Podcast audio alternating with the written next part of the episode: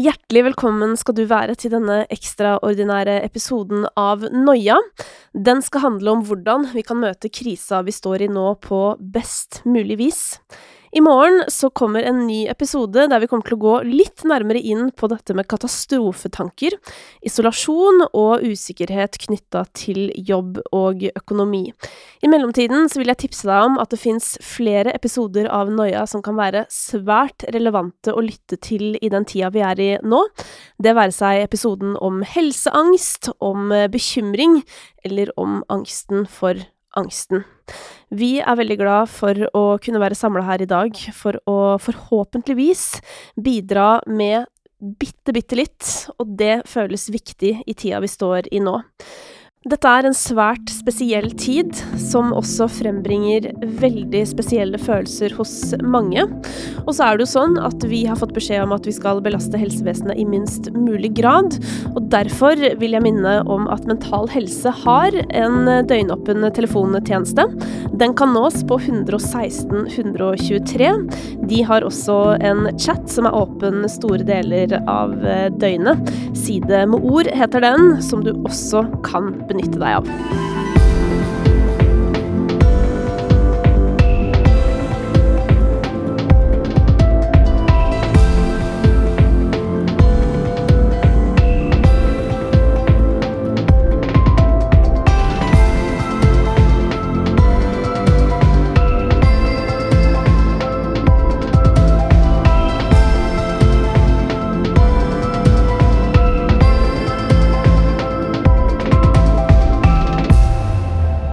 Jeg har lyst til å ønske ekstra velkommen til deg, Rune Stuvland. Tusen takk for at du kommer hit til oss i Noia i dag. Bare hyggelig. Du, jeg har jo bedt deg hit mm. fordi du er psykolog, uh, og du er vant til å jobbe med kriser. Kan ikke du fortelle oss litt om bakgrunnen din? Jo, jeg uh, har vært psykolog i 30 år snart. I de første ti årene så jobbet jeg for UNICEF med å hjelpe til i land hvor det var krig eller jordskjelv, og gjorde det fulltid i ti år. Mm. I de siste 20 årene så har jeg vært her i Oslo, og her jobber vi til daglig med både personer som trenger hjelp fordi de opplever vanskelige ting, og så jobber jeg litt opp mot virksomheter i forhold til det å håndtere kriser. Mm. Og jeg lurer jo på, eh, hva er det som skiller den krisa vi står i nå, fra de krisene du har vært vant til å jobbe med tidligere? Eh, for det første, som jeg har sagt til kolleger også, dette her har ingen av oss erfaring med. Nei. Eh, det er helt annerledes. Eh, det andre er at det er en stor krise, veldig stor, som rammer hele befolkningen i mange land, hele verden. Eh, og den vil få store konsekvenser. Det er jo noe av det som er problemet nå, føler jeg. At vi mm. ikke aner hva de store konsekvensene er, selv om vi selvfølgelig begynner å se noen av de nå. Karina, du er også her. Velkommen. Takk. I dag skal vi snakke litt generelt om den krisa vi er i. For Rune, hva slags situasjon er det vi befinner oss i nå? Eh, nei, som jeg sa innledningsvis, vi er jo i en stor krise. Eh, og så er det slik at dette her har myndighetene forberedt seg på. Eh, vi har forberedt oss i litt ulik grad. Eh, noen av oss har nok sett at dette kom for en god stund siden. Og så er det slik med kriser at hvis vi har tenkt igjennom og planlagt litt hva som kan skje, så blir vi også litt bedre rustet mm. til å møte det. Hva gjør en sånn her unntakstilstand med oss som mennesker? Vi blir stresset. Vi blir redde. Mm. Eh, og så blir vi ikke det, er vi ikke det hele tiden, men, men selvfølgelig, det er frykt. Folk er redde for konsekvensene, og konsekvensene, ja, det vet vi også noe om. Én, helse. Eh, og da mener jeg medisinsk helse. Vi kan bli syke, noen skal dø. Det er ganske alvorlig. Eh, men så er det alle de andre konsekvensene, som jo nå vi begynner å se, og som jeg må si at jeg har forutsett hele tiden, vil bli helt enorme. Arbeidsplasser stenger ned, folk mister inntektene sine, eh, vi kan ikke gjøre sosiale ting, fritidsting, noe som helst. Og denne virkeligheten tror jeg vi skal oppleve i flere måneder fremover. Mm. Karina, du jobber jo veldig mye med stress, mm. sånn til hverdags. Mm. Nå er vi stressa av helt andre grunner enn det vi er til vanlig. Hvordan uh, tenker du at uh, vi kan møte den, det kollektive stresset? Jeg tenker at nettopp det er et ganske fint fokus, å tenke at vi står sammen i det. Vi er alle satt i denne unntakstilstanden og, og, befinner oss i det samme følelsesregisteret, mer eller mindre, og det kan gjøre også at vi på en eller annen uh, litt underlig og annerledes måte kan oppleve et fellesskap.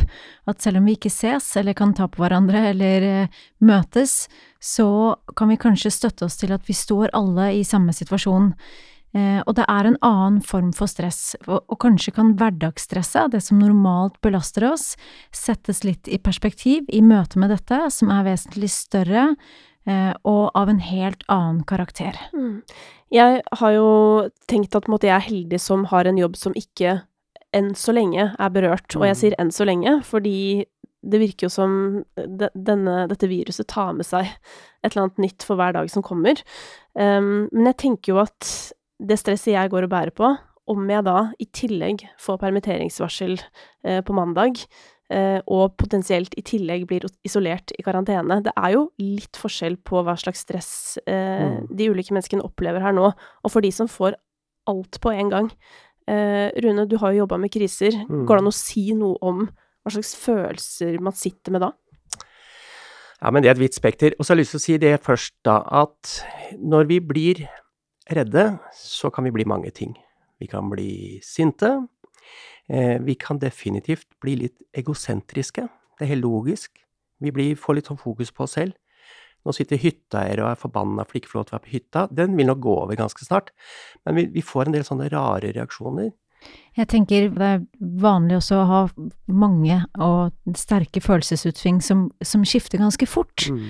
Eh, sånn at det kanskje kan oppleves som litt usikkert å være inni seg selv også, fordi at man opplever å reagere på en måte, eller på måter man ikke helt kjenner igjen, og normalisere det også, og minne om at hva enn du erfarer, så er det eh, noe andre også erfarer, i en tilsvarende og lignende situasjon. Mm. Så følelsene og tankene våre også preges deretter, og i tillegg til handlingsmønstrene våre. Mm. Jeg er glad for at du sier det, fordi det minte meg om at i dag morges så, så jeg en Instagram-story eh, da jeg våknet, um, hvor det var en som beskrev nøyaktig det samme jeg føler hver morgen. Det, det minner meg om å ha slått opp med noen, og så våkner jeg dagen etter og håper at det ikke var sant. Sånn føler jeg det med den krisa her. Jeg sjekker bare sånn mobilen hver morgen sånn Er det fortsatt? Så bare Fader, det er fortsatt Det er sant, liksom. Det er og helt kanskje merkelig. kan vi også da erfare at vi beveger oss litt sånn i, i, eh, i mellom eh, det spekteret som handler om å se fellesskapet og hvordan vi kollektivt går hen og tar vare på hverandre og nettopp tilbyr hverandre tjenester og hjelper til og støtter, mm. men også kjenner ensomhet, isolasjon, savn, tap, mm. lengsel. Og én ting er eh, Eh, de tingene som kanskje næret oss i, i kraft av eh, fritidsinteresser osv. Men for mange som, som bor alene, for eksempel, da, sitter hjemme og ikke får noe fysisk kontakt, mm. det virker inn på oss helt sånn nevropsykologisk, sant. Det mm. kan man merke. og Det er en effekt der også. Så effektene er mange, men å minne seg selv om at i en sånn kritisk situasjon, så vil eh, enhver følelse og tanke omtrent, altså spekteret for hva som er normalt, blir utvidet også. Mm. Ja. Men dette med krisemaksimering, vi skal på en måte beholde roen, mm. men vi skal også kjenne på krisa til en viss grad, fordi det faktisk trengs. Går det an å finne en balanse der, Rune? Du stiller et vanskelig spørsmål der. Ja. ja. Eh, jeg har lyst til å si først at jeg tror det at på en måte befolkningen må være emosjonelt så skremt at liksom er nesten opp i taket før man gjør noe, jeg tror det er en misforståelse, for å være helt ærlig. Eh, man kan eh, komme med informasjon og gi råd eh, før mange er døde om at dette viruset, det kommer, og det gjør noe med oss. Nå har dette skylt over oss de siste dagene. Eh, og så er det slik at i krigen så er det et veldig rart fenomen. I den byen her er det krig, i nabobyen har ikke krigen kommet. Hvor er folk reddest? I nabobyen. Hvor er det farligst? Der krigen herjer. Men det rareste av alt er at i den nabobyen så er man overbevist om at krigen ikke kommer hit. Man så man er, er både livredd og overbevist om at det ikke kommer til å skje? Ja, men man er redd, men man klarer ikke å ta inn over seg og tenke, og ikke minst handle, som om dette er en reell trussel. Og det er, det, det, er den bredden vi har gått over nå de siste døgnene, for nå er vi i krigen. Mm. Eh, og krigen er et virus som det er mange ukjente faktorer med. Så vi har rett og slett ikke eh, klart å handle ordentlig før det ble virkelig alvor? Jeg sier bare at eh, det er krevende for mange å handle som om noe er virkelig, bare basert på en trussel, selv om du vet at trusselen vil bli til virkelighet. Og Det er derfor jeg kommer tilbake til at det å få informasjon Og informasjon, eh, det dreier seg mer om Altså, informasjon trenger du og jeg hjemme for å lage planer. Men øh, folk begynte jo å handle bokstavelig talt øh, i forrige uke, da alvoret ble tydelig. Da ble det hamstring i matbutikkene. Uh, hva skjer med oss når vi begynner med det? Vi vil ha sikkerhet. Uh, vi vil skape trygghet ved å ha det som gjør at vi kan klare oss, selv om myndighetene sier at ikke det blir tomt for verken toalettpapir eller tørrgjær. Så gjør vi det. Mm. Men så blir vi også forvirret, for myndighetene sier to ting. Eh, vi skal på en måte ikke overdrive, men samtidig så skal vi ha litt i huset, slik at vi klarer oss. Mm. Og så hvis vi da har litt i huset, så møter vi en nabo som er sint fordi noen hamstrer. Skjønner du? Det, det er veldig mange rare mm, holdninger å møte. Det er veldig rart å være menneske nå, Ja, rett og slett. ja, det er det. Det må jeg bare si. Det er fortsatt noen som det virker som tenker at dette på en måte ikke angår dem. Um, og det er mange som har tatt kontakt med oss og lurt på på en måte hvordan kan man si ifra til en nabo som ikke bryr seg, på en måte som fungerer? Jeg tenker at eh, et fenomen som det snakkes mye om i psykologien, er også dette med fornektelse. Det er vanskelig å ta inn over seg og forstå. Mm. Og også som, eh, eh, som du er inne på, Rune, at hvordan vi virker i kriser, og hvordan det blir vanskelig ta, for oss å ta inn over oss. Mm. Men jeg får lyst til også å sidestille det du forteller om da med der hvor det er krig, Mm. kontra i byen, nabobyen hvor det ikke er krig, med dette med bekymringer og hvordan det virker på oss, at kanskje tenkte scenarioer belaster oss mer enn de faktiske scenarioene, og at vi nå også trenger erfaring med å stå i dette Mm. og se at vi håndterer det og finne rutiner og finne en rytme som gjør at vi på en eller annen måte kan finne en trygghet i det vi står i også, og se at det fungerer, så slipper vi å krisemaksimere mer enn det som er nødvendig, og falle litt til ro i det Mm. så tenker jeg man også kan eh, stille spørsmål, og på den måten komme i posisjon til å, til å, til å få innblikk i på hvilken måte naboen oppfatter situasjonen. Spørre hvordan det går, og hva vedkommende tenker om dette, og hvordan vedkommende forholder seg til det, og, og dermed kanskje komme i posisjon til å, til å kunne, kunne si noe eller komme med noe informasjon, kanskje. Ja. Naboer kan jo være så mangt, vi har litt ulike relasjoner til ulike naboer. Men jeg tenker også at det enkle svaret på spørsmålet ditt er si fra. Si fra. Det som er bare så underlig nå, eh, det er jo at denne situasjonen er eh, for det første helt ny for oss. Vi er jo et veldig privilegert folk. Mm. Men denne gangen så er det på en måte ikke så lett å si sånn Ja, det går bra. Det kommer til å ordne seg. Fordi vi vet jo på en måte ikke om det kommer til å ordne seg. Hvordan forholder man seg til en krise som vi ikke på en måte kan se slutten på, Rune? Det er en slutt på det. Det vil bli bedre. Eh, og det vi trenger nå, er å få litt bedre tanker om hva som faktisk ligger foran oss, slik at vi kan forholde oss til det. Eh, Du vet, jeg har sagt et veldig enkelt eksempel, så får dette bli min personlige mening, og så kan den være helt feil. Men den påskeferien, den skjønner nå alle at det ikke blir noe av. Den sommerferien blir vel heller ikke noe av. Eh, og det betyr også at vi må planlegge nå for noe som varer en god stund.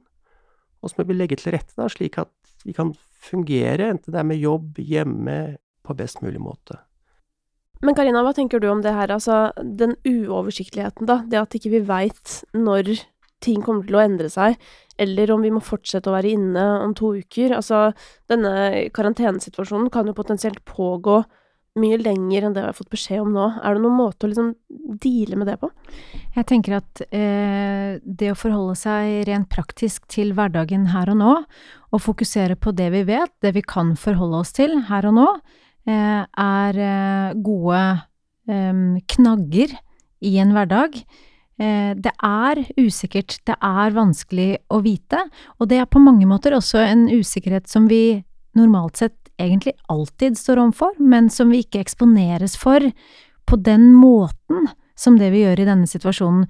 Så det er igjen noe som, som Rune var inne på også i sted, eh, at vi er ekstremt privilegerte, og den usikkerheten vi kjenner på nå, den kjenner veldig mange i andre deler av verden på hver eneste dag.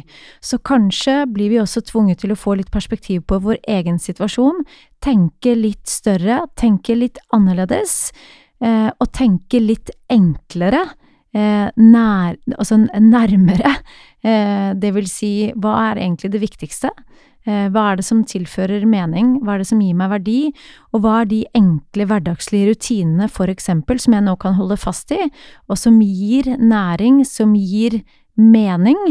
Eh, det kan for veldig mange være en veldig, veldig fin og nyttig overlevelsesstrategi. Det betyr ikke at vi ikke skal tillate oss å tenke fremover, men vi kan bruke dette. Hva er det vi savner aller mest med en helt vanlig hverdag?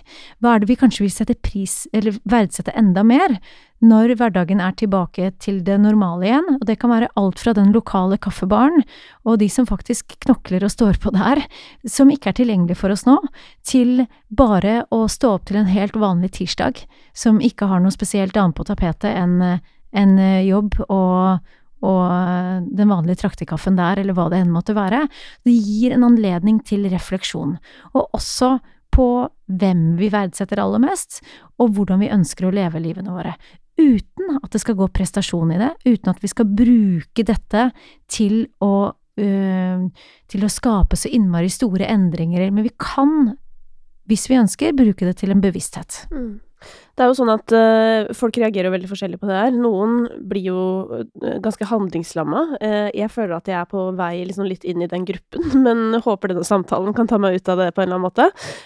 noen har store familier, man skal prøve å jobbe på hjemmekontor mens ungene skriker i bakgrunnen, mens noen skal handle og lufte hunden. Altså det er kaotisk, da, mens andre blir permittert. Og det får meg jo til å tenke litt på det her med Vi, vi er i så utrolig forskjellige situasjoner.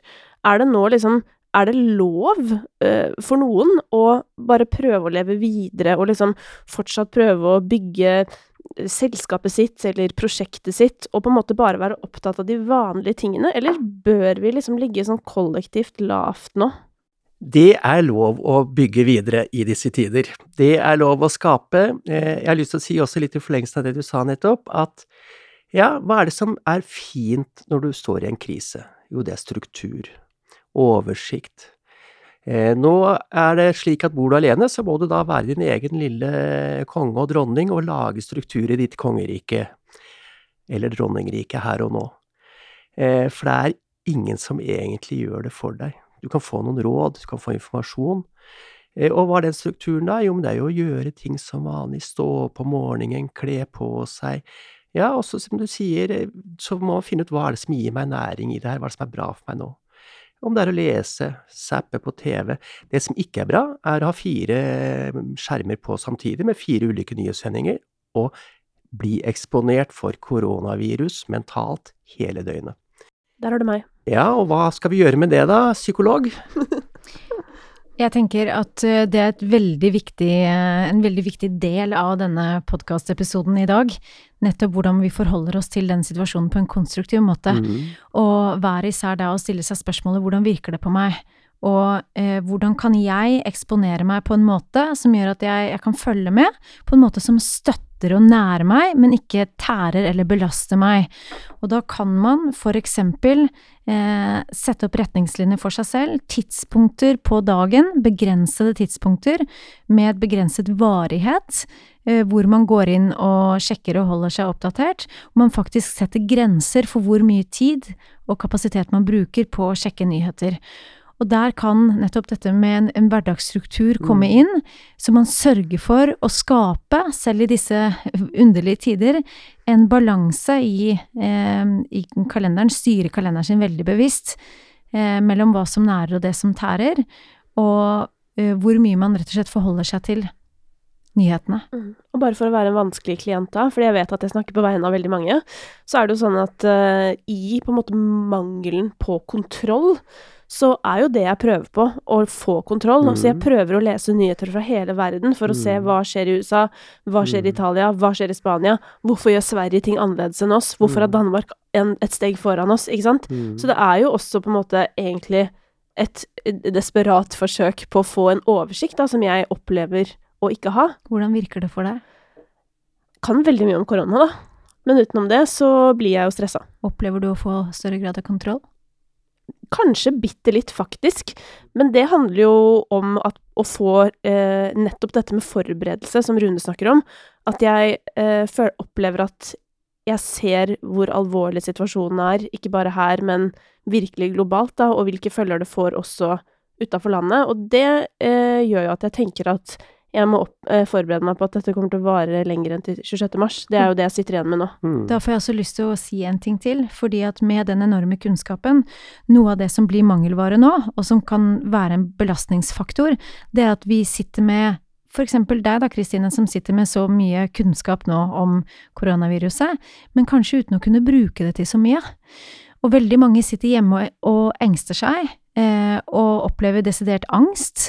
Og det som kan hjelpe for veldig mange da, det er å bruke den energien som ligger i den enorme beredskapen, til faktisk å engasjere seg. Og det kan være alt fra å tenke litt større, til å spørre naboen om eh, vedkommende trenger hjelp til å handle, eller andre ting, men å bidra og føle at man gir og gjør noe, Mm. og bruker den beredskapen som ligger i den, den motoren, det er veldig konstruktivt. Så hvis jeg kan spørre deg, Kristine, da i den sammenhengen, hvis du representerer det veldig mange kjenner på, hvordan kan du bruke den kunnskapen og innsikten du trenger, eller besitter nå, på en måte som er hensiktsmessig og nærende for deg? Det er det jeg skal, må bruke de neste dagene på å finne ut av. Jeg merker også at jeg på en måte ikke er så interessert i nyheter som ikke handler om situasjonen. Eh, og det er også sånn helt merkelig, for man skulle jo tro at vi på en måte blir helt overbelastet av korona, og at man ikke orker noe mer om dette i monitor. Likevel så er det nesten umulig å ha en samtale som handler om noe annet. Burde vi, Rune, tenker du, øh, jobbe for å snakke mer om andre ting i disse tider? Ja, men eh, jeg syns det er helt innenfor jeg, at mange av oss nå er veldig fokusert på nyheter som eh, løper. Vi har nettopp kommet inn i den situasjonen. Eh, at man bruker mye tid de første dagene på å få med seg alt det som skjer. Jeg syns ikke det er noe sånn sykdomstegn over det akkurat. Men så er det litt tilbake til det som vi snakker om her nå også, at i hverdagen, og mandagen den kommer i morgen Nå har liksom dette her skylt over oss, vi er i det. Det er virkelig.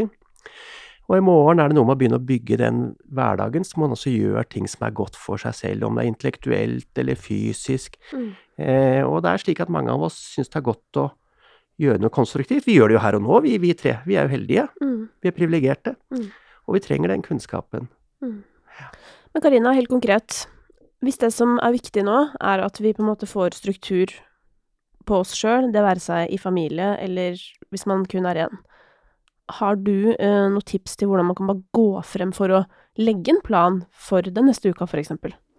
Jeg tenker at man helt konkret kan sette seg ned med en sånn type kalender, enten på, mm. på papir eller på telefon, og skrive inn uh, hva er det jeg må gjøre, hva er det jeg skal, og hva kunne jeg tenke meg, hva har jeg lyst til? Hva er aktiviteter jeg normalt gjør? Hva er tilgjengelig for meg fortsatt av det, eller hva er overførbart i en ny sånn koronahverdagsbetydning? Eh, og se på de virksomme elementene i, i hverdagen, hva som gir næring, hvor du henter energi, hvordan du kan få inn elementer fra det. Og det, det er for eksempel helt grunnleggende, så trenger vi jo søvn og mat og, og ha måte gode rutiner på det. Eh, men også fysisk aktivitet, sosiale aktiviteter, ikke sant, som, og det å se andre mennesker, som ikke er tilgjengelig for oss på samme måte nå, men hvordan legge til rette for det, og kanskje også skape, ta initiativ. Det kan være at man legger inn noen telefonsamtaler, eller at man skal snakkes over video. Det kan være at uh, man finner en annen form for fysisk aktivitet eller bevegelse, enten eh, alene eller i et type fellesskap som, som går på nett. Jeg ser for eksempel flere eh, personlige trenere, treningssentre osv. som tilbyr online trening, til og med også live nå. Mm. Da kan man kjenne på et fellesskap Mm. likevel. Eh, I tillegg så tenker jeg at det gir en anledning også til å tenke nytt. Kanskje kan det også være en tid for å, for å dyrke en interesse, eller gjøre, lære noe nytt om noe som man har tenkt på en stund, men som man ikke har tid til. Og, men igjen der så vil jeg si at man skal ikke ha skyldfølelse eller dårlig samvittighet for for å bli handlingslammet, for det er også normalt. Dette med handlingslammelse, går det an å si noe om hvorfor det skjer? det er så usikkert, eh, og det er så vanskelig å forholde seg til å vite så mye om, om eh, hva som er følgende, og hva som vil være fortsettelsen, og vi er så i sjokk, eh, både hver især, men også kollektivt at da er det vanskelig å skulle ta det ned til handling, og heldigvis da så kan vi støtte oss til og lene oss på sånne hverdagslige rutiner som det å få spist, som det å prøve å få litt bevegelse, eller å snakke med en venn eller en kollega, og, og flytte fokus ut til å spørre omgivelsene hvordan har du det, er det noe jeg kan gjøre for deg? Da kan vi også flytte fokus ut fra oss selv, og det kan også være godt for oss å kjenne at vi kan bidra med noe. Og jeg har lyst til å si noe veldig praktisk der. Eh, det er jo slik at for det første så kan man ikke ha dårlig samvittighet hvis man nå ser en mulighet i de neste månedene til å lære seg noe nytt. Gjøre noe du har hatt lyst til å gjøre, og som nå du har fått en Jeg kan kanskje forsiktig med å si det, men du har fått en liten gave her. I hvert fall mange. Dere har fått mer tid. Hva kan jeg bruke den tiden til for som er konstruktivt for meg, meg selv? Eh, dernest en av de tingene som hjelper når det er urolig, ved siden av både å trene og ha struktur og spise og sove, ja, det er å snakke sammen. Eh, og så tenker jeg at eh, dette går til enkeltpersoner, men det går også til virksomhet, altså ledere, bedriftseiere. Om masse folk nå blir permitterte på mandag og sitter hjemme fra onsdag, så har man fortsatt f.eks. For et arbeidsgiveransvar. Hvordan skal vi lage møteplasser nå så folk får lov til å komme sammen og snakke sammen om hvordan ting er? Jeg har lyst til å bruke et lite eksempel. For mange år siden så debrifet, sier vi psykologer, vil si at vi snakker sammen. Så debrifet jeg noen grupper eh, som hadde vært ute på en eh, humanitær oppdrag. Kortvarige, om to-tre uker, og jobbet nesten døgnet rundt. Og så har jo disse teamene ledere, og de lederne Og de hadde lite tid, for de jobbet så mye. Men de lederne som tok en halvtime hver dag og satte seg ned med teamet sitt og spurte hver enkelt det enkle spørsmålet hvordan har dagen din vært? De opplevde at de teamene sine hadde mindre konflikter, mer produktivitet, høyere, hva skal jeg si, tilfredshet. Dette er ikke forskning, men det er helt logisk det jeg sier. De lederne som ikke gjorde det, de opplevde mer av det vi ikke ville se. Og det, jeg prøver å si at det rådet går til deg i forhold til dine venner og samboer. Det går til deg som sitter der og har en familie du skal være sammen og passe på. Det går til deg som har ansatte du skal følge opp. Endog naboer og venner. Altså det å få lov til å bli spurt om det, for jeg tenker at det er ikke veldig konstruktivt nå å bli sittende i isolasjon. Og da mener jeg mental isolasjon i lang tid. Og så tenker jeg, husk på at uh, når vi er i krise, så reagerer vi med fight, flight eller freeze. Og den freeze-tilstanden, som er en sånn type handlingslammelse, er en av tre normale eh, reaksjoner på, på eh, kriser. Så det er, det er tillatt, og det er greit. Og det er normalt, og det skal man ikke få dårlig samvittighet eller skyldfølelse for å kjenne på. Man skal heller ikke få dårlig samvittighet eller skyldfølelse for å ikke kunne klare å bruke denne tiden til noe konstruktivt. Eh, men dette er en tid for raushet, for omsorg, både for seg selv og også for andre. Og så kan man spørre seg selv når dette er over, for det kommer til å gå over. Når alt har gått bra, og kanskje på et senere tidspunkt i livet. Når du ser tilbake på disse dagene, kanskje på akkurat dagen i dag, den situasjonen du sto i da, hva ville du sagt til deg selv? Hvilket råd ville du gitt deg selv da, når alt dette har gått seg til? For det kan være vanskelig for oss å se for oss nå, men å gi oss selv litt de perspektivene kan også hjelpe å gi litt retning.